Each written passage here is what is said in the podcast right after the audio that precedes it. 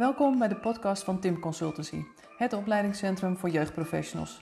Ben jij op zoek naar een passende deskundigheidsbevordering in de vorm van een training, workshop of inspirerende artikelen? Kijk dan eens op de website of op onze social media kanalen. Uh, opnieuw een gesprek met Ariane Struik. Ariane is bekend van de methode slapende honden wakker maken en heeft uh, heel veel kennis over uh, behandeling van kinderen met chronisch trauma. Welkom Ariane. Ja, dankjewel. Dank je. Ja, je woont en werkt in Australië, maar geeft nog heel veel trainingen, ook uh, online en offline volgens mij in uh, Nederland en andere plekken over de wereld.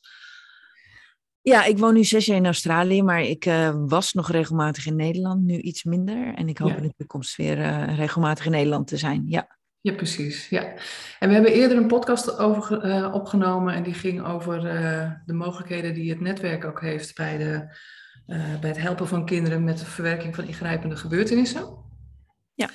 En onlangs kreeg ik een mailtje van een pleegzorgmedewerker die de podcast regelmatig luistert. En die had een hele mooie, interessante vraag waar die, waar die mee zit, waar hij in zijn werk tegenaan loopt. En aangezien dat gaat over een onderwerp waar jij veel over weet, heb ik jou benaderd. En uh, gelukkig wilde je daar weer over in gesprek. Dus dat is, dat is super fijn. En want zij hebben de vraag zo van, goh, als je uh, omgaat met pleegkinderen, uh, heb je natuurlijk te maken met contact met biologische ouders. En hoe kun je binnen pleegzorg daar nou een zorgvuldige afweging in maken? Wanneer wel contact en wanneer niet? Um, als je soms ziet dat een omgangsregeling veel impact heeft op kinderen, moet je dan wel doorgaan met een omgangsregeling? Ja, ik vind het een heel leuk onderwerp. Ik ben blij dat je me hebt gevraagd. Het is ook een heel belangrijk onderwerp. Dus ja, daar wil ik graag uh, mijn visie op geven. Ja, leuk. Ja, ja. ja want die, die visie die, die is heel erg belangrijk om daar goed over na te denken. Zo van wat, wat vinden we nou wat belangrijk is in contact tussen kinderen en biologische ouders? Want als kinderen naar een pleeggezin gaan, dat kan natuurlijk zijn dat dat heel plotseling gaat en in de ideale situaties meer voorbereid. Maar het, is natuurlijk, het heeft behoorlijk veel impact op een kind. Kan je daar iets over vertellen? Als kinderen naar een pleeggezin gaan, dan is voor hen altijd de vraag waarom. Hey, je wordt uit je normale veilige omgeving gehaald. Voor jou is dat normaal. Um, het is altijd al zo geweest. En in één keer moet je ergens anders heen. Nou, en als je ergens anders heen moet, word je weggestuurd, dan heb jij dus iets fout gedaan. dat is wat de meeste pleegkinderen denken. Uh, ik heb iets fout gedaan, daarom word ik weggestuurd. Mijn ouders willen mij niet meer. Um, als ze met politie ook nog eens worden opgehaald, denken ze dat ze gearresteerd worden, dat ze crimineel zijn. Het, kinderen maken daar allerlei verhalen van als ze geen uitleg krijgen. Dus die uitleg over waarom wordt een kind uit huis geplaatst, die is belangrijk. Op de dag eigenlijk dat ze uit huis geplaatst worden. En Sonja Parker heeft daar de immediate story voor ontwikkeld. Een, een, eh, een heel kort verhaal met uh, een paar plaatjes over waarom je uit huis geplaatst wordt en wat het plan is. En die reden die, die hoeft niet helemaal uitgebreid te worden uitgelegd. Maar um, een vorm van uitleg in de auto op weg naar het pleeggezin is al meer dan niks. ja. ja. En dan is het zo mooi dat je dat verhaal bij het kind kan laten, zodat dat herhaald kan worden ook. Ja, precies, dat pleegouders dat kunnen doen.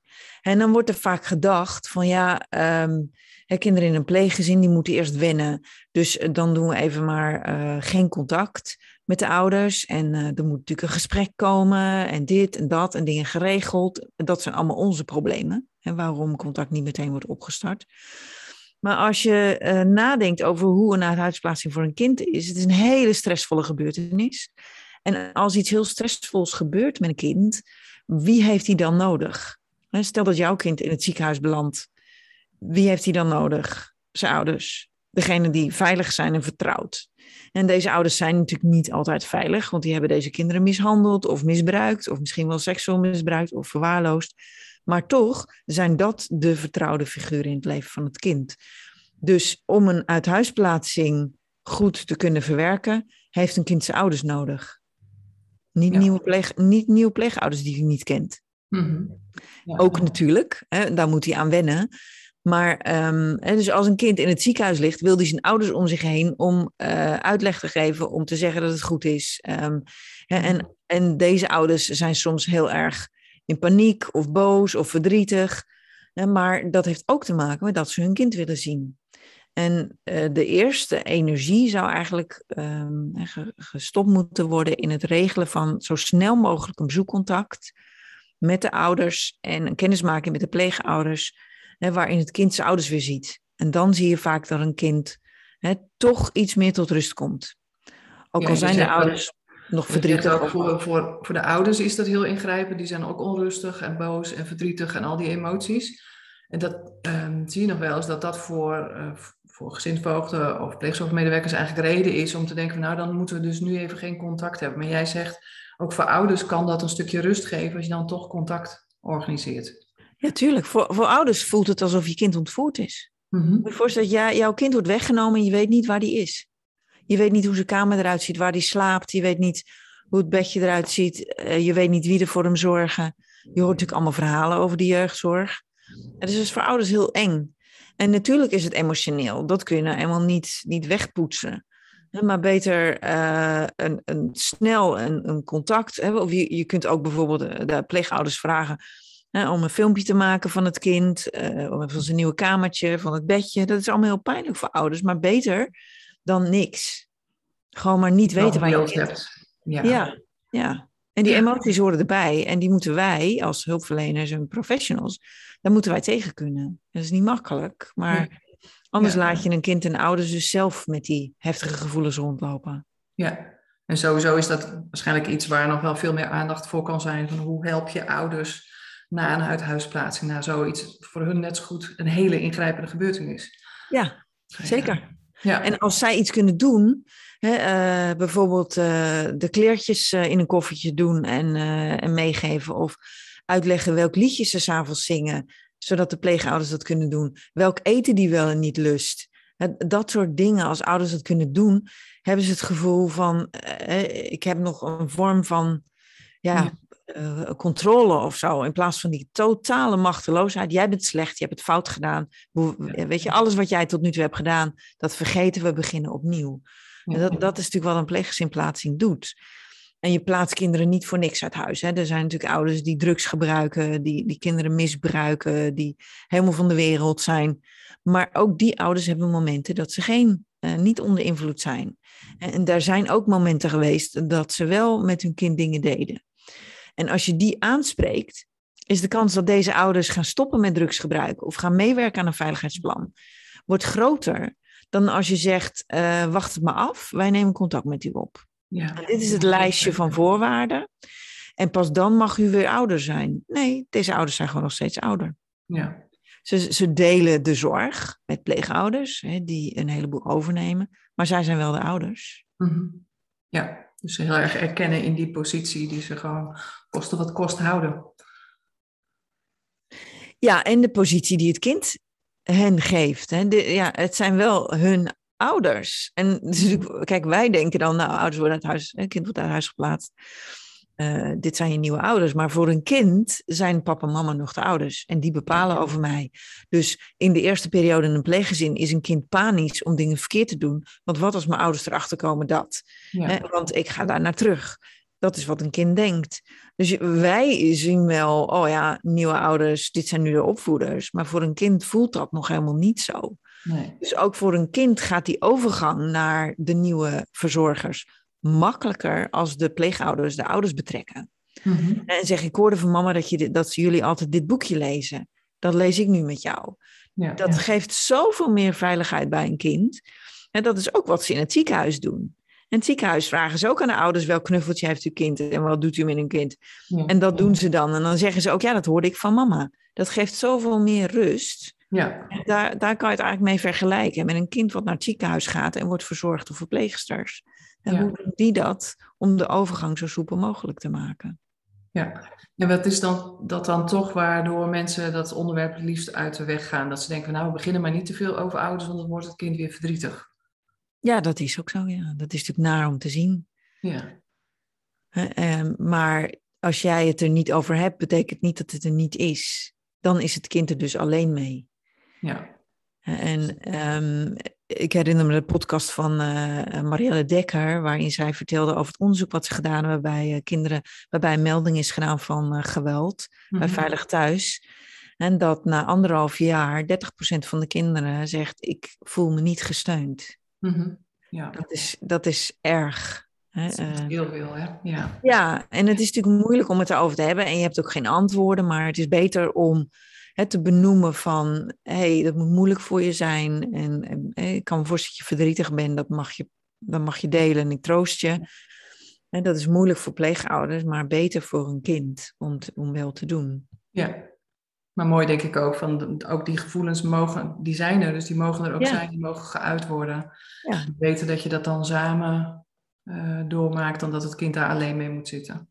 Ja, en we kunnen een berichtje maken voor mama, of we kunnen een brief schrijven aan mama. Wat, wat zou je willen zeggen? Ik kan een klein filmpje maken en dat allemaal naar de voogd sturen. Die kan het Ja. zo doorsturen. Ja. En dat is zo fijn. Hoe moet je je voorstellen dat je kind uit huis geplaatst is? In één keer is je huis helemaal leeg, bedjes leeg, zit niemand meer aan tafel. Je weet Ja. niet waar je kind is. Je kind is ontvoerd. Mhm. Als je dan een berichtje krijgt van, van je kind, ja. dat is zoveel meer. Ja, het is natuurlijk, eh, het kan mensen boos maken. Hè? Mhm. Boosheid eh, hoort ook bij machteloosheid. Maar het, het geeft ook rust. En het geeft ook deze ouders het gevoel: ik ben nog een beetje ouder. ja. Ja, ja, je wordt niet helemaal weggepoetst. nee. Helemaal uit het leven van je kind wordt gehaald. Ik heb ook onlangs die documentaire gezien eh, ehm, van die vro- voetvrouw in eh, Mhm. Eh, hoe, hoe heet die ook alweer, weet je het, Margreet? Goede moeders, volgens mij. Ja, heel indrukwekkend. Over eh, ouders met hele jonge kinderen, baby's die uit huis geplaatst worden. En dan zie je de andere kant, hè, die wij, wij vaak niet zien. Ja. Wij professionals werken met de kinderen en met de ouders vanuit het kind. Mhm. En zij werkt met de ouders. En dan zie je gewoon hoeveel impact zoiets heeft. En hoe Ja. traumatisch eigenlijk een uithuisplaatsing voor de ouders is. Ja. En als je het meteen goed doet of probeert goed te doen, zo goed mogelijk, Ja. dan voorkom je ook een hoop problemen later. Hè, want heel veel ouders eh, zitten met allemaal wrok en verdriet en boosheid over die uithuisplaatsing. Ja. Eh, Jaren, tien jaar, vijftien jaar later nog. Nou, en als ik dan met die gezinnen werk, dan ben ik eerst eens eh, een, een paar maanden bezig met die ouders om dat te verwerken. Ja. Terwijl als je het meteen eh, bewust probeert goed te doen, ja, kan je daarmee ook een hoop voorkomen. Ja. ja, precies. Ja, volgens mij was het ook in die documentaire dat de moeder zei... Want er werd aangevraagd, maar hoe ben je dan weer uit huis, eh, of naar huis gegaan vanuit het ziekenhuis? Dat ze zei zo van ja, alleen in de bus in, met, met uh, maxicosi. Dan denk ik, oh ja, dat is natuurlijk echt zo heftig. Ja. En dan uh, vanuit het perspectief van het kind. Hè, je zei al, het kind voelt zich schuldig of die denkt dat hij gearresteerd is als die door de politie wordt opgehaald. Um, heeft veel vragen, um, veel verdriet. En dan zeg je van ook voor het kind is het heel belangrijk om zo snel mogelijk contact met de ouder te hebben. Ja, en contact, hè, om gewoon weer je ouders te zien. Want je ouders zijn vertrouwd en die kunnen jou reguleren. Maar ook uitleg van je ouders of van iemand, een voogd of een gezinsvoogd, over waarom je uit huis geplaatst bent. In simpele taal. En als je natuurlijk een, een, bezig bent met een veiligheidsplan, en wat vaak natuurlijk gebeurt, hè, een kind wordt uit huis geplaatst vanwege onveiligheid, veiligheidsplan wordt gemaakt zodat het kind weer terug kan dan hoort daar een, een woord- en beeldverhaal bij, of een words and pictures, en waarin je ook uitlegt waarom dit gebeurd is en wat de zorgen zijn. Ja. En dat kan een kind gewoon heel veel rust geven als je dat zo snel mogelijk doet. Ja, eigenlijk gewoon goed stilstaan bij al die vragen die een kind heeft op het moment dat hij dit meemaakt. En kijken hoe je daar antwoord op kunt geven. Ja, en uh, er wordt dan vaak gefocust op uh, wat de ouders allemaal verkeerd gedaan hebben, maar dat weet het kind al. Uh, de vraag die het kind heeft is, heb ik iets verkeerd gedaan? Ja. En die is veel makkelijker te beantwoorden voor de ouders. Uh, um, ouders kunnen veel makkelijker zeggen van, nee, dat lag niet aan jou. Wij wilden heel graag dat je bij ons bleef. En we houden van jou. En um, uh, papa en mama hebben wel vaak ruzie, maar dat kwam niet door jou. En we gaan proberen om het op te lossen. Dus het kind onschuldigen is makkelijker dan de ouders de verantwoordelijkheid laten nemen. Dat is een stapje moeilijker. Ja. En het kind onschuldigen, daar kun je vaak uh, heel gemakkelijk eigenlijk al mee beginnen. Dat kunnen ouders wel. Het is namelijk de schuld van uh, veilig thuis, de jeugdzorg. En, nou, dat is prima. Ja. Uh, laat hen daar de verantwoordelijkheid maar leggen. Ja, ja, dus dat mag je ook gewoon vanuit het perspectief van het kind kun je dat dan, uh, of vanuit het perspectief van ouders kun je dat aan het kind uitleggen? Ja, of ouders kunnen dat zelf doen. En je kunt zeggen, heel veel kinderen denken dat. Kun jij in het eerste bezoek of het tweede bezoek tegen je kind zeggen hè, dat het niet aan hem lag? En dat kunnen we ook samen doen. Hè. De voogd kan ook zeggen van nou, hè, uh, ik wil je nog wat vragen mama. Hè, uh, want ik weet niet of Jan denkt dat je boos op hem bent en dat, dat hij daar niet meer thuis mag wonen. En, maar dat is niet waar. Hè. Klopt, dat klopt toch mama dat dat niet waar is? Ja. ja. ja. En ik denk dat je daarmee ouders dus ook weer een hele mooie taak geeft. Iets wat ze voor een kind, kind kunnen betekenen. Ja. ja. En dan zeg ik vaak, mis, je mist, mis je Jan ook? Ja, ik mis hem ook. En dan probeer ik het concreet te maken. Ik zeg, wat mis je dan? Nou, samen gezellig uh, rummikuppen of uh, uh, zijn bedje is leeg. En dan loop ik elke avond langs zijn bedje en dan denk ik aan hem. Zo fijn om te horen als je kind bent. Ja, ja, precies. Dat je niet uit gedachten van iemand bent. Hmm. Ja, zeker als je ouders jou hebben mishandeld of verwaarloosd. Hè, als je iets positiefs hoort, dat, dat ze toch van je houden op, op een bepaalde manier, kan dat heel fijn zijn. En dat is natuurlijk niet bij elke ouder mogelijk. Ik hoor, ik hoor al luisteraars al denken, ja, dat kunnen die ouders van mij niet. Maar, maar het is vaker mogelijk dan dat ik dacht. Ja, ja. Ik denk dat je daar ook voorzichtig in moet zijn om te snel te denken, dat kunnen deze ouders niet. Want die hebben een verstandelijke beperking, of die hebben alcoholproblemen, of die, ja. Heel veel van deze ouders zijn zelf ook uit huis geplaatst. En die weten dus heel goed, die weten heel goed waar dit over gaat. En daarom kunnen ze het ook zo goed. Ja. En maar het bespreekbaar maken uh, geeft natuurlijk verdriet en het geeft boosheid. Dus het, het kan wel een lang gesprek worden voordat je de ouders hebt uitgelegd uh, wat, wat je gaat doen. Daar heb je tijd voor nodig. Maar daarmee heel je als het ware ook hun eigen wonden over hun eigen uithuisplaatsing. Want als zij tegen hun kind kunnen zeggen, dat lag niet aan jou, je hebt niks verkeerd gedaan, zeggen ze het eigenlijk ook tegen zichzelf. Ja, mooi. Ja, ja. en je zegt van dat kost tijd. Daar moet je als professional tijd in investeren om dat contact met ouders weer te hebben. Maar dat, is, uh, dat voorkomt zoveel problemen in de, op de lange termijn. Als je daarin investeert. En het lukt niet altijd, maar in veel gevallen kan het toch een heleboel van de ja, angel er eigenlijk al uithalen. Die anders gewoon jarenlang blijft zitten.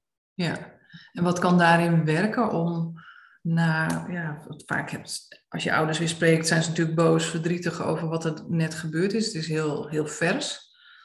Wat is daar dan in belangrijk? Uh, nou, duidelijk zijn in ieder geval. Zo gaan we het doen. Dus je moet een duidelijk plan hebben van dit is de volgende stap. We hebben nu dit gesprek en volgende week maandag zie ik u weer en dan gaan we dat doen. Ja. Want als je heel emotioneel bent, hè, dan, dan ben je als het ware bijna buiten je window of tolerance. Je kunt je denkvermogen niet zo goed gebruiken. Mhm. Dus je moet het concreet maken, opschrijven, misschien ook zelfs tekenen van nou, we zijn nu hier. Maandag gaan we het daarover hebben. Ik schrijf alle vragen van u op. En als mensen boos zijn, um, is onze neiging om van ze weg te gaan hè, en om, om ons ja, uh, af te wenden. Terwijl als je in contact probeert te blijven, kan dat de boosheid juist doen zakken. Dus mensen moeten zich gehoord voelen. dus ik herhaal vaak wat ze zeggen. Nou, dus bedoelt u dit? Eh, snap ik u goed als dat? Ik, ik, ik, ik, heb het idee dat u boos bent. Of ik zie dat u boos bent. Ehm, kunt u me eens vertellen? Eh, dus in contact blijven, ook in je lichaamstaal en kan mensen eigenlijk al rustiger maken. Terwijl wij vaak uit contact gaan en daar worden ze alleen maar bozer van. Ja. ja, en ik heb het idee dat achter boos vaak heel veel andere emoties zitten. Ja, de verdriet, pijn, ja. Ja.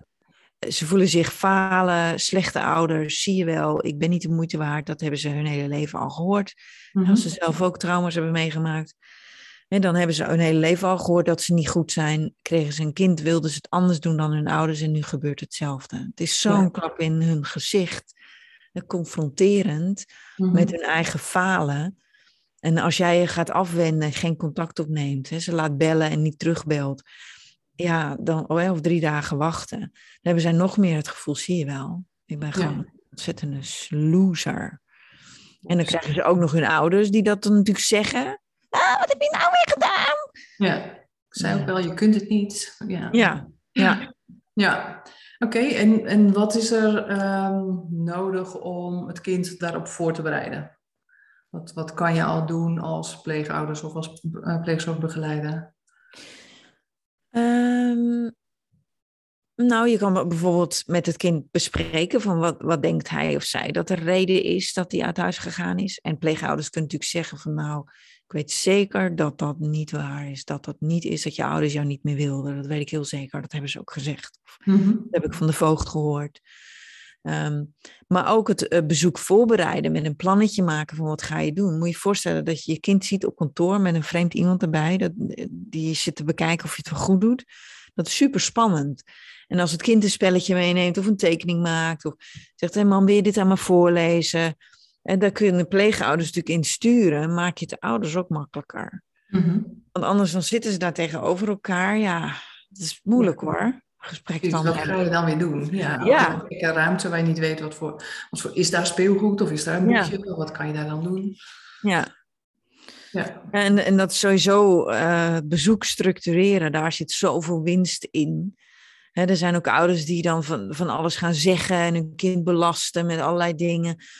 Nou, je kunt natuurlijk ook gewoon bezoek doen op een andere manier. Je kunt een kind ook, uh, bijvoorbeeld als die gaat voetballen, de ouders vragen of ze komen kijken bij de voetbal. Dan mm hebben, hoeven ze geen gesprek te hebben. Ze kunnen hun kind wel zien. Het kind heeft ook een keer papa en mama langs de lijn, terwijl nooit iemand staat. En dan is er wel een vorm van bezoek wat veel gestructureerder is, waar niet zo heel veel verkeerd kan gaan. Ja. Of uh, uh, ja, samen naar de film. Nou, bij een film mag je niet praten. Ja. Ja. Dat is ook mooi, ja. Maar je bent wel samen. Je bent wel samen, je zit samen popcorn te eten, cola te drinken. Er hoeft niet altijd gepraat te worden, dat willen wij. Mm. Maar ja, voor kinderen kan dat ook heerlijk zijn. Een keer met papa en mama naar de film, een begeleid bezoek. En dan maak je het toch een stuk makkelijker. Ik noem maar wel gewoon wat, wat, wat dingen. Ja, maar het is wel een mooie, denk ik. Want dat is wel de zorg die mensen hebben. Zo van, ja, maar dan is er weer contact. En dan gaan ouders allemaal verkeerde dingen tegen hun kinderen zeggen. Dan gaan ze tegen hun kind zeggen, je moet terugkomen en ik mis je. Nou, dat vinden we dan allemaal niet goed. Maar je zegt, van, zoek ook naar contacten waarbij praten niet op de voorgrond staat, maar juist dingen met elkaar ondernemen. Ja, en uh, een, een deel van de ouders doet dat omdat ze zich aan het kind willen verontschuldigen. Dus als je met ze al taal hebt gemaakt voor die verontschuldiging. Ja. En dat ze al hebben kunnen zeggen: Ik wilde dit niet en ik hou van jou en ik wil je thuis hebben. En dan kan dat al een beetje de angel eruit halen. Um, als je ze wat laat doen in plaats van het vrijlaten, maak je het ook makkelijker. En wij weten allemaal met mensen met verstandelijke beperking, dan moet je, die moet je structuur bieden. Maar in zo'n bezoek doen we dat dan niet. Of niet genoeg. En dan moeten ze het zelf doen. Nou, en er is een groep ouders die dat natuurlijk niet, ja, zich als het ware niet kan inhouden. En dan kun je wel zeggen, nou doen we geen bezoek. Maar je hm. kunt beter dan in het bezoek, terwijl de ouders dat zeggen, ingrijpen. En zeggen, ja, dat weet ik dat, dat mama dat heel graag wil. En wat mama eigenlijk bedoelt, is dat ze heel veel van je houdt en je heel graag thuis wil hebben. Ja. maar ehm, daar gaan wij met mama uh, over praten, hoe we dat voor elkaar kunnen krijgen. Dat is niet iets waar, wat we nu gaan bespreken, mama. En dat is eigenlijk te moeilijk voor Jan. En hè, wat Jan heel graag wil met jou is, had hij namelijk gezegd, kleurboeken Zullen we dat gaan doen? Ja. Dus je, je ondertitelt het en je uh, erkent de behoeften van de ouder, um, plaatst het perspectief van het kind daar tegenover en biedt gelijk een alternatief. Ja, en, maar je stelt ook een grens. En als mama niet rustig kan worden, zeggen van nou, mam, ik geef mijn mama een sigaret roken. Um, als er nog iemand bij het kind kan blijven. Hè, of ja. We gaan even een slok water drinken, we gaan even een rondje lopen. En dan, dan heb, hou je ze uit de situatie en dan kom je daarna weer terug. Ja.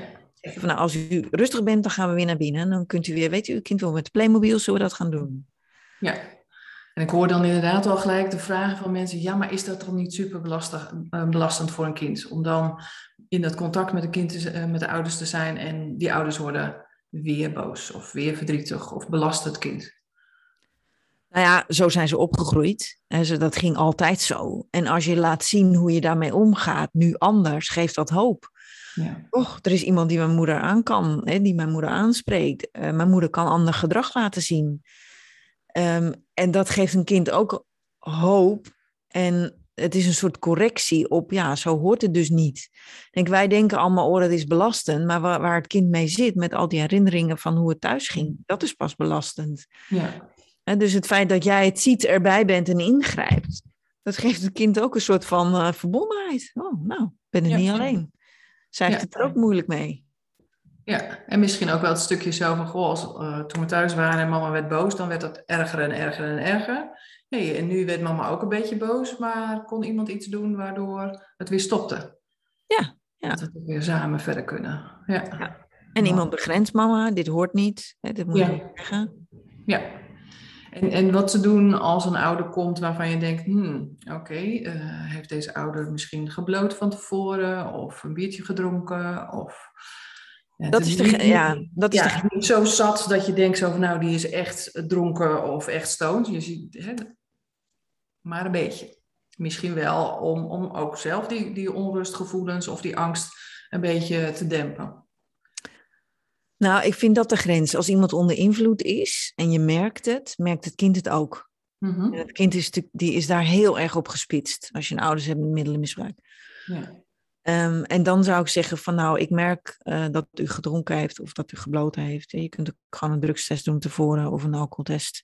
Ja. Zeg, en ehm, als papa's of mama's hebben gedronken of hebben gebloot, en dan kunnen ze eigenlijk niet meer heel goed nadenken. Ehm, en dat is niet handig voor het bezoek. Dus we gaan Mhm. het nu stoppen en we gaan een nieuw bezoek plannen. Ja.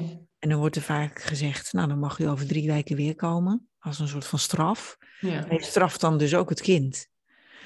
Dus eh, wat idealiter eh, zou ik dan een nieuwe afspraak plannen, korter erop.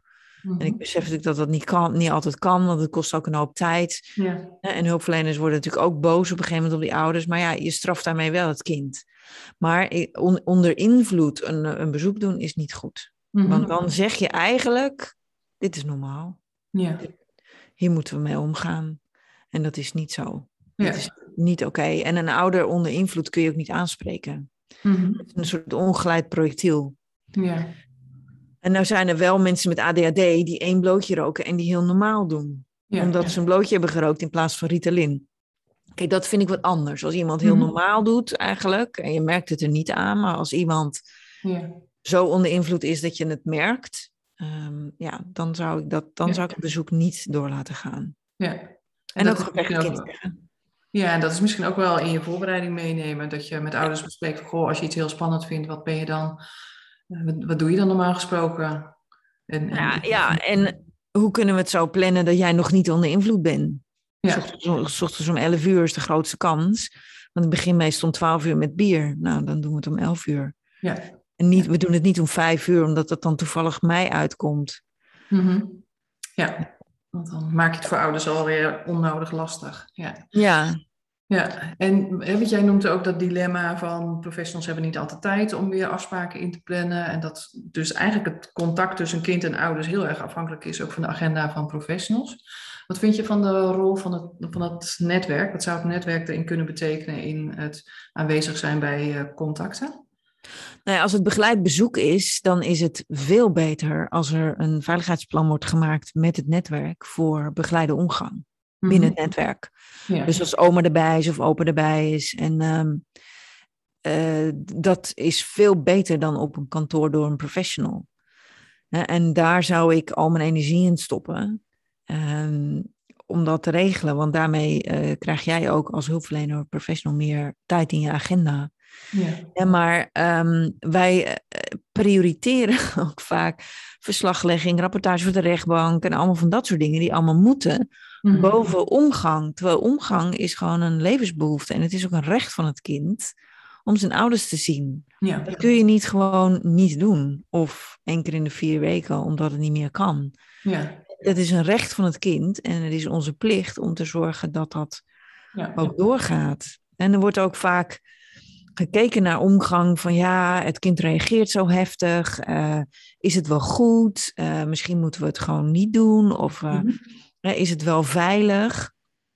En er is niet één, want dat was eigenlijk de vraag ook, hè, die, die persoon jou had gemaild. Ja. Er is niet één ehm, regel voor. Ik denk, een bezoek kan onveilig zijn als iemand onder invloed is, dat is één. Mhm. En het tweede is als iemand bedreigend is. Ik heb een vader gehad die eh, gewoon de genitaliën van zijn dochter zat te betasten in het begeleide bezoek. Nou, er was natuurlijk iets mis met die man, maar Ja. dat kan niet. En dat bezoek is ook gestopt. Ik heb ook een vader gehad die zijn kind had ontvoerd. En eh, het risico op opnieuw ontvoeren tijdens bezoek was zo groot dat het kind was daar ook heel bang voor. Nou, dan is het Ja. ook niet goed. Mhm. Maar in principe, als je kijkt naar literatuur en onderzoek, ehm, is het bij elk kind beter om wel omgang te hebben dan niet. Ja. Een, een hechtingsrelatie eenmaal is opgebouwd, die moet eigenlijk worden voortgezet door omgang. En de, de frequentie eh, wordt bepaald door de mate van hechting en de mate van steun die het kind heeft aan de ouder. Dus hoe, hè, in het begin zijn de ouders vertrouwd en pleegouders niet. Dus moet er meer omgang zijn. Mhm. Als pleegouders meer vertrouwd worden eh, en het kind gaat daar blijven, hè, dan kunnen, kan de omgang met ouders lager frequent worden. Eén keer in de twee weken, één keer in de drie weken. En, maar ik vind het mooi dat je dat laagfrequent noemt. Want ik denk laagfrequent, dan denk ik al heel snel aan één keer in de acht weken. Dat kan ook. Kijk, als een, als een kind echt bij pleegouders opgroeit en die is daar gewend en die is gehecht aan die pleegouders en die gaat nooit meer terug en de ouders hebben zo'n beperking dat het ook moeizaam is, dan kan één keer in de acht weken ook. Een kind moet tussen bezoeken een herstelperiode hebben. Mhm. Dus als een kind heel heftig reageert en die is vijf dagen van streek daarna en vijf dagen ervoor en heeft twee dagen herstel, dat is niet goed. Mhm. Eh, ehm, dan moet je het lager frequent doen. Een kind moet gewoon een periode hebben waarin die niet bezig is met eh, het afgelopen of het toekomstige bezoek, maar gewoon met lekker spelen. Ja. Ehm, ik heb een, eh, een tweeling gehad, baby's van zes maanden. Die werden weggehaald bij hun ouders en die zouden mogelijk nog teruggaan. Mhm. En die baby's hadden ehm, maandags, woensdags en vrijdags een uur bezoek. Maar de pleegouders woonden ook nog eens een anderhalf uur rijden van, daar vandaan. Ehm, en die kinderen werden in een taxi gezet, die twee baby's. Anderhalf uur rijden, alleen, met een chauffeur die ze niet kenden. Hadden dan begeleid bezoek van een uurtje en gingen dan anderhalf uur weer terug. En dat dus op maandag, woensdag en vrijdag. Nou, na anderhalf jaar waren die kinderen eh, fors eh, ontregeld. Ja. En eh, ja, of ik dan traumaverwerking wilde doen op het huiselijk geweld wat ze hadden meegemaakt in die eerste zes maanden. Maar de, de, de hoofdreden van hun eh, gedrag was het totaal eh, in de steek gelaten zijn in die taxi. En je gaat dus iets heel spannends doen, naar de tandarts bij van spreken, alleen in de taxi. En daarna moet je afscheid nemen van je moeder die je weer heel erg mist. En dat moet je ook alleen doen met een taxichauffeur Ja. krijsen, krijsen. De een en de ander totaal gedissocieerd, helemaal stil. En dus, en deze kinderen hadden het zo frequent dat dat, eh, ja, die hadden geen hersteltijd. Eh, En eh, ja, dan moet je het toch op een andere manier proberen te regelen. Ja, Dus dat is toch ook zo nodig dat als je daar weer weggaat, dat je een, iemand bij je hebt die er voor je is, waar je... Ja, Ja, iemand die je steunt. Ja, als Ja, je, als je in het ziekenhuis bent geweest of bij de tandarts bent geweest, iemand die je er naartoe brengt en iemand die je weer terugbrengt. Dat heb je zeker nodig. Ja. Nou, en tijdens het bezoek kan het dus, er kan een heftige reactie zijn, omdat tijdens het bezoek de ouders het kind belasten en dingen zeggen en het bezoek eigenlijk in de structuur moet worden aangepast. En dan, dan moet je eigenlijk een veiligheidsplan maken en een structuur voor het bezoek om het bezoek beter te laten verlopen. En dan zie je dat de heftige reactie afneemt. De tweede reden kan zijn dat ze de ouders gewoon heel erg missen heel erg verdrietig zijn en het moeilijk vinden. Daarna, nou, dan zou je het bezoek moeten intensiveren, meer frequent maken of tussendoor meer bellen, eh, het dingen van ouders meegeven, eh, ehm, eh, vaker over de ouders praten of een filmpje maken, een liedje zingen wat de ouders al. Dus dan moet je eigenlijk de verbinding met de ouders intensiveren, dan wordt het missen minder. En dan kan het ook nog zijn dat eh, het kind een geheim heeft. En elke keer als je de ouders ziet, komt dat geheim naar boven. Ik mag niet vertellen over het misbruik of het geweld of het drugsgebruik. En daarna zitten ze dan te worstelen met dat geheim. Ik wil niet dat het eruit komt, maar ik wil het eigenlijk wel vertellen. Ehm, dat kan. En dan is het dus belangrijk om ja, met het kind daarover te proberen te praten. en, ehm, het vergt nu te ver om daar een oplossing voor te geven. Maar uh, de vierde reden is dat er allerlei dingen zijn gebeurd. Uh, nare dingen, die worden getriggerd. Dus je ziet je ouders en dan denk je weer aan het geweld of het misbruik of verwaarlozing. Ja. Dat is het meest voorkomend. En uh, dan hebben ze de ouders gezien en het bezoek ging heel goed. En daarna een enorme heftige reactie. En dan wordt er vaak gezegd, nou, we moeten maar geen bezoek meer doen, want het kind reageert zo heftig. Maar als er herinneringen worden getriggerd, dan is eigenlijk de regel dat je die, die herinneringen eigenlijk moet gaan verwerken. En je moet dan traumaverwerking doen in plaats van het bezoek stoppen. Want het bezoek stoppen is een, dan, dan bestrijd je een symptoom, maar daarmee is het probleem niet weg. En die nare herinneringen geven problemen in het bezoek, maar die geven ook problemen in het dagelijks leven. En die zijn soms niet zo zichtbaar, die worden dan meer zichtbaar in het bezoek, maar die zijn er wel degelijk. dus uh, dan zou ik eerder zeggen, snel traumabehandeling doen en het bezoek gewoon door laten gaan, want dan kan je zien of het helpt. Als die traumabehandeling lukt, dan zie je dat het bezoek veel rustiger wordt en het kind niet zoveel meer reageert. Ja. En, en die, is dat dan er ook op gericht om kinderen te leren zo van, oké, maar je wordt inderdaad, je ziet je ouders weer, maar dat betekent niet dat het weer gaat zoals het in het verleden ging. Ja, dat was toen, maar dat is nu niet meer. Mm want zij uh, hebben een bezoek en ze zijn heel erg gespitst. Ze worden herinnerd aan het geweld. Laten we dat voorbeeld even nemen. Dus ze zijn heel erg gespitst op signalen. Als papa zijn een wenkbrauwen fronst of als mama even wegkijkt, dan zijn ze al bang dat het weer begint. En dat zijn allemaal triggers. Terwijl als ze traumaverwerking doen, en dan kunnen ze ook zeggen, ja, dat was toen, maar dat is nu niet meer. En als ik nu bezoek, want eh, als er bezoek is, worden die kinderen niet misbruikt. Er is geen geweld. Mhm. Ze zijn wel bang ervoor, maar dat is een irreële angst. En als je die dus opruimt, dan wordt het bezoek vaak een stuk meer ontspannen. En dan zie je ook dat het leuker wordt voor de ouders ook. Ehm, dat de hechting aan de pleegouders ook verbetert. Mm Dat die nare herinneringen zijn opgeruimd. En ik zie heel vaak hè, dat daar dus niet voor gekozen wordt, maar dan het bezoek wordt verminderd. En dat is gewoon een jammer, een hele gemiste kans. Ja, en het groot dilemma wat je daarin dan ook hoort, dat mensen iets hebben van ja, maar ik heb niet gelijk een traumatherapeut beschikbaar die gelijk kan starten met de behandeling. Waarom niet? Uh, wachtlijsten. Maar dan ehm, kun je als je een kind uit huis plaatst, wat jarenlang geweld heeft meegemaakt of seksueel misbruik, hè, die plaats je in een pleeggezin, um, dan kun je eigenlijk op je vingers al wel natellen dat het voor dat kind belangrijk is dat er traumabehandeling komt. Eigenlijk zou het een mooi totaalpakketje moeten zijn. Binnen pleegzorg heb je ook een module waar je gelijk traumabehandeling in kunt zetten. Ja, en niet iedereen heeft het even intensief nodig, misschien een paar sessies. Maar ik denk dat, dat voor alle kinderen, of misschien wel 80, 90 procent van de pleegkinderen, een vorm van traumabehandeling heel veel kan opleveren. Dus waarom meld je ze niet meteen aan of integreer je het? Er zijn instellingen Um, zoals uh, Sterkhuis, uh, Rubicon, waarin ze, het jeugdformaat, waarin ze eigenlijk in de jeugdzorg, pleegzorg, mhm. behandeling al zelf aanbieden. En um, dan maak je een soort totaalpakket, waardoor de, de kans dat je uiteindelijk um, in een probleem komt met een wachtlijst uh, minder groot is, omdat je gewoon gezamenlijk al begint. En zegt, dit kind heeft sowieso behandeling nodig. Ja. En um, die, die trauma's, die nare herinneringen, die geven namelijk aan de binnenkant, als ze getriggerd worden, heel veel stress. Een kind komt eigenlijk als het ware in een herbeleving. En die herbeleving is dan opnieuw traumatiserend. Als je weer helemaal gestrest wordt in zo'n herbeleving, gaat je lijf weer helemaal op tilt. Mhm. Dus soms zie je dat kinderen jarenlang veilig zijn, dan is het veilig aan de buitenkant. Maar door die nare herinneringen blijft het veilig en onveilig aan de binnenkant. En gaat eigenlijk de traumatisering door, onzichtbaar.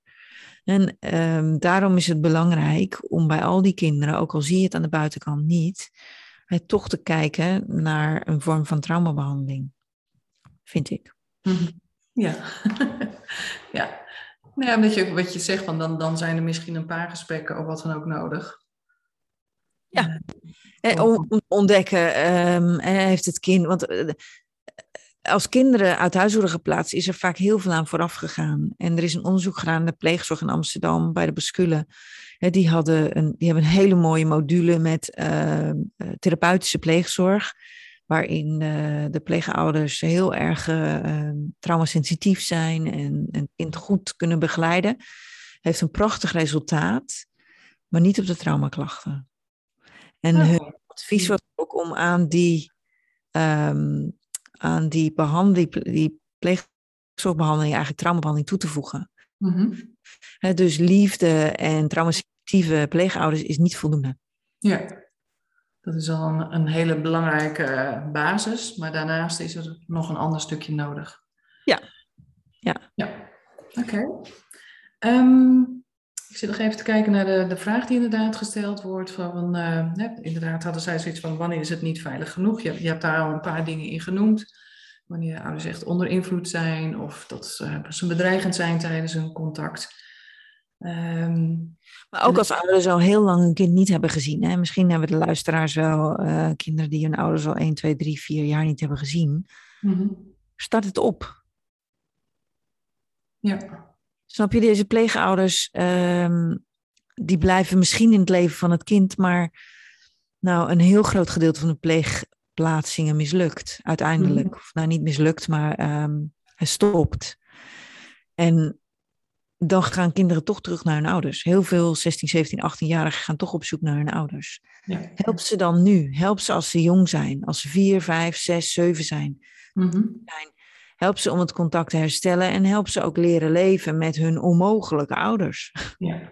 Ouders kunnen onmogelijk zijn, ja. maar het zijn toch je ouders. Dus hoe kun je daar een weg in vinden? Wat kan je wel van je ouders verwachten en wat niet? En dat is moeilijk, want daar, daar gaat een hoop verdriet mee gepaard. Maar mhm. liever dat je dat samen doet met een jong kind, dan dat een adolescent of een volwassene dat alleen doet. Ja. Wat, wat, wie moeten ze gaan uitnodigen als ze gaan trouwen? Ja, en ik denk ook van, van erbij weghouden, dat maakt alleen maar nieuwsgieriger. En dat maakt het verlangen misschien ook nog wel groter om weer, wel weer contact te hebben. Ja, want als ze gaan trouwen of ze krijgen zelf kinderen, dat zijn de momenten dat ze toch hun ouders weer gaan opzoeken. En, uh, want ja, als je gaat trouwen, daar horen je ouders bij te zijn. Je vader hoort je weg te geven als, als bruid. Dus dat soort gedachten hebben kinderen toch. Het blijven, het blijven je ouders, het blijft je familie. Dus um, ook al hebben ze een vader heel lang niet gezien en is het lekker rustig, aan de binnenkant is dat wel een scheefgroei. En twee dingen. Of ze maken een monster van de ouder, of ze maken de ouder fantastisch. En ze zijn heel loyaal. Dat is hun oplossing eigenlijk voor uh, de positie waar ze in zitten. Mm. En als ze een oude monster hebben gemaakt, is het nog makkelijker om te zeggen: Nou, doe maar geen omgang, want het kind wil het niet. Maar um, ik heb een meisje gehad die dat ook had. En die was heel bang voor de vader. Nou, uiteindelijk hebben we traumabehandeling gedaan. Toen werd ze toch wel een beetje nieuwsgierig. Ze was minder bang voor hem. Ze was nog wel een beetje, maar ze was nieuw, nieuwsgierig. Nou, uiteindelijk hebben we een bezoek gepland en dat helemaal voorbereid met haar. En daarna zei ze: Ariane, hij was zo klein. Ja. In haar beleving was haar vader, ja, was haar vader groot en hij had hele donkere zwarte ogen en hij was altijd boos. En nu was hij klein en hij was vrolijk en ze hadden samen gezaalvoetbald. Nou, ze zei, ik ben helemaal niet meer bang. En ze sliep gewoon een heel stuk beter. Mm Dus uh, ik heb ook een jongen gehad die zei, nou ja, ik heb mijn vader nu gezien, maar daarna hoef ik hem niet nog, meer, nog weer te zien. Ik hoef geen omgang structureel, maar af en toe met Sinterklaas. Nou, prima. Ja. En er zijn ook natuurlijk nog familieleden van ouders, opa's, oma's, uh, ooms, tantes, die misschien wel veilig zijn. En probeer daar omgang mee te krijgen die inbedding in je eigen netwerk is altijd uh, helender dan alleen maar pleegouders hebben. Ja, dus als, als het gewoon echt absoluut niet mogelijk is dat de ouder nu niet beschikbaar is of niet goed kan reageren op het kind, dan zeg je, dan zoek dan voor alternatieven binnen dat netwerk van het kind. Van, binnen ja, dan weet je, weet je toch waar je roots zijn en waar je vandaan komt. Ik zit nu hier uh, bij mijn ouders en ik ben in, in Nederland op bezoek. Ja. ja. en wij hebben onze gewoontes in onze familie. Ik lijk op mijn moeder, ik lijk op mijn vader, wil ik liever niet, maar dat is wel zo. Ja. Um, En, in andere dingen ben ik weer trots dat ik op mijn vader lijk of dat ik op mijn moeder lijk. En dat is gewoon fijn om te zien. En uh, dat willen kinderen ook. Je wilt ergens bij horen. En je pleegouders, daar heb je dat niet, want je lijkt niet op ze. Mhm. Je gaat natuurlijk wel dingen doen zoals zij, maar dat is toch anders. Ja. ja. Nou, en ehm, als kinderen heel loyaal zijn naar een ouder, dat is vaak ook een probleem. Hè? Eh, Geen kwaad woord over mama, kind heel loyaal. Dat betekent dat er nog onverwerkte trauma's zitten. En als kinderen heel loyaal zijn aan hun ouders, dan geven ze vaak zichzelf de schuld. Want als jij het verkeerd hebt gedaan, papa en mama zijn fantastisch. En die beschadiging wil je eigenlijk niet laten zitten. Dus als dat het geval is, dan zou ook mijn advies zijn om te onderzoeken of je met traumaverwerking daar wat meer perspectief in kan krijgen. Van mama, ik hou heel erg van haar en ze is fantastisch, maar ze heeft ook dingen verkeerd gedaan.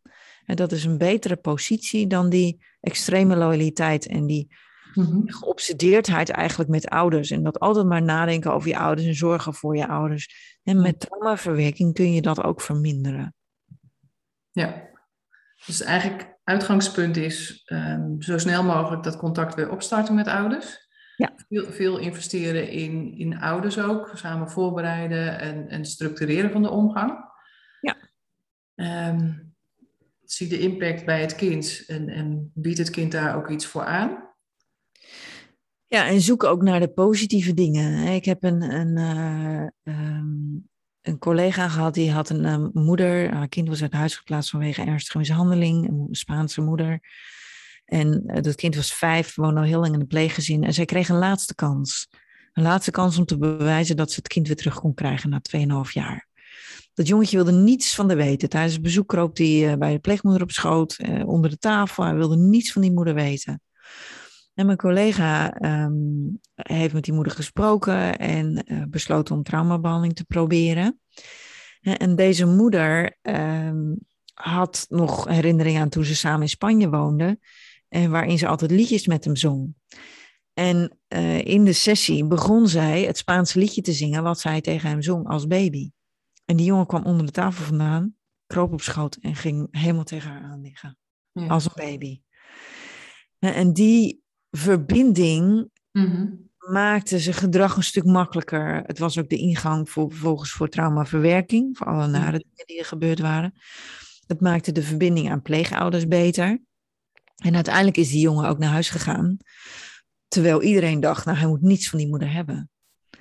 En de, het zit er wel, alleen de angst kan zo groot zijn dat het overs, overschaduwd wordt door, door die angst. En als je zoekt naar die positieve dingen en die positieve hechting, kan een kind ook daarna ehm, meer verbinding aangaan met anderen.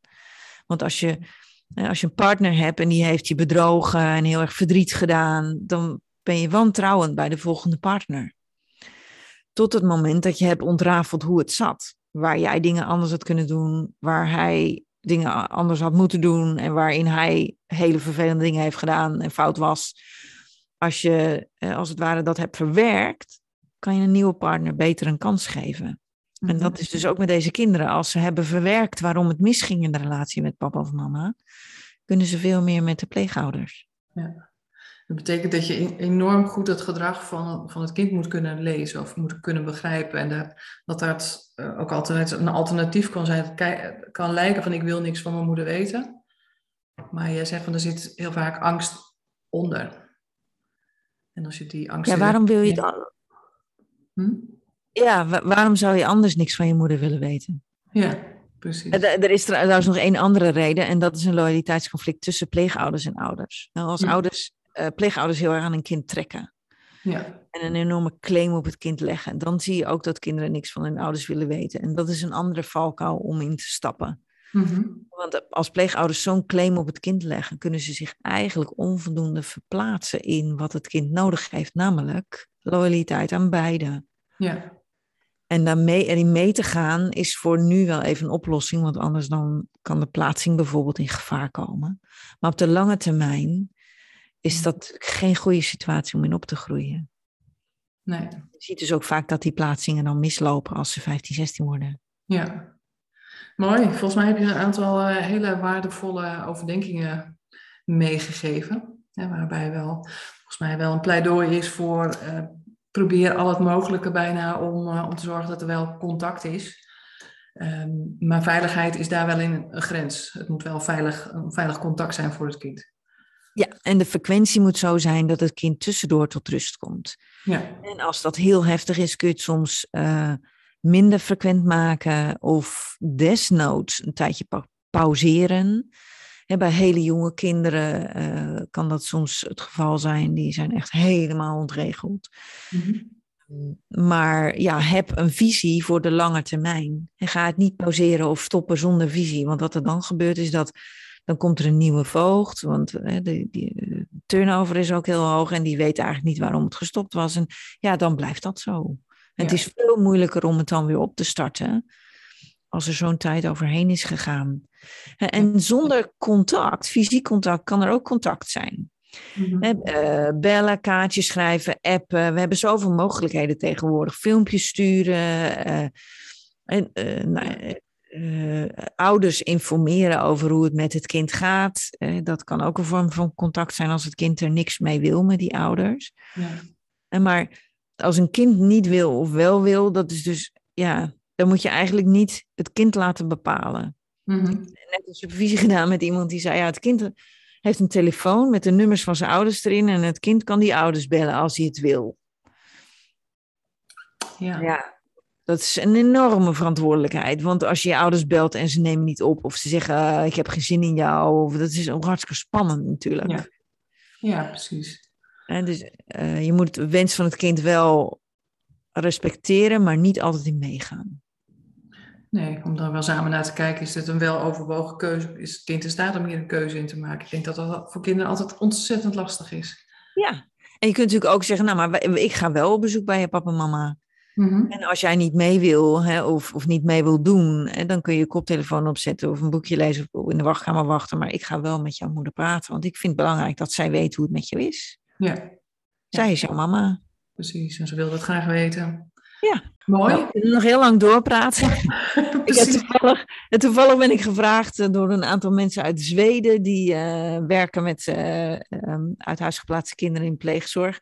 En we gaan samen een driedaagse workshop geven over uh, omgang en hoe je dat veilig kunt doen, hoe je veiligheidsplannen kunt maken en wanneer wel, wanneer niet, hoe kun je trauma daarin meenemen. Dus het is wel een hot onderwerp, hè, dat we ja. meer nadenken over omgang. Ja. ja, dat is denk ik ook heel waardevol. Zo'n standaardregeling, zo van nou, zo doen we het nou eenmaal, dat werkt niet. Dus zo ontzettend maatwerk en kijken wat heeft het kind nodig, wat kunnen ouders aan. Ja. Dus vormgeven. Ja, mooi dat daar eh, van alle kanten veel meer aandacht voor is. Dus ja. super bedankt voor dit gesprek. Ik hoop dat dat uh, weer heel veel handvaten geeft aan pleegzorgmedewerkers, maar ook aan de gezinsvoogden, voogden die daar beslissingen moeten nemen. En uh, nou ja, wellicht ook voor ouders zelf. Dat het een mooie handvaten weer geeft. Dus dankjewel voor dit gesprek weer. Ja. Uh, ja, Als je nog uh, nieuwe vragen krijgt, dan ben ik altijd bereid om nog een keer te komen. Ja, precies. Dat is leuk. Dus dat is ook wel een oproep naar mensen die luisteren. Goh, zijn er nog andere onderwerpen waar je meer van wilt weten? Laat het ons, laat het ons weten. En nou ja, je weet ook al welke vraag ik nog aan jou stel. Van, aan wie zou je het stokje nog door willen geven? Wie zeg je van nou, zouden we ook nog nou, moeten spreken?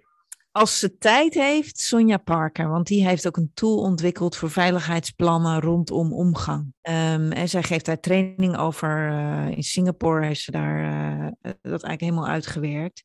Dus als ze tijd heeft, is wel Engelstalig, maar zij kan wel heel mooi vertellen over veilige omgang en hoe je dat goed kunt vormgeven. Zeker ook het netwerk daarin betrekken en omgang door netwerk. Ja, mooi. Ik ga even weer contact met haar opnemen. Ja, ja. oké. Okay. Bedankt voor vandaag. Dankjewel. Dankjewel voor het luisteren naar deze podcast van Tim Consultancy. Hopelijk was het een waardevol gesprek voor je om naar te luisteren. Wil je meer weten over de onderwerpen die we in onze podcast bespreken? Check dan ook onze social media kanalen of de website van Tim Consultancy voor een van onze opleidingen of trainingen. Heel graag tot een volgende keer en een fijne dag gewenst.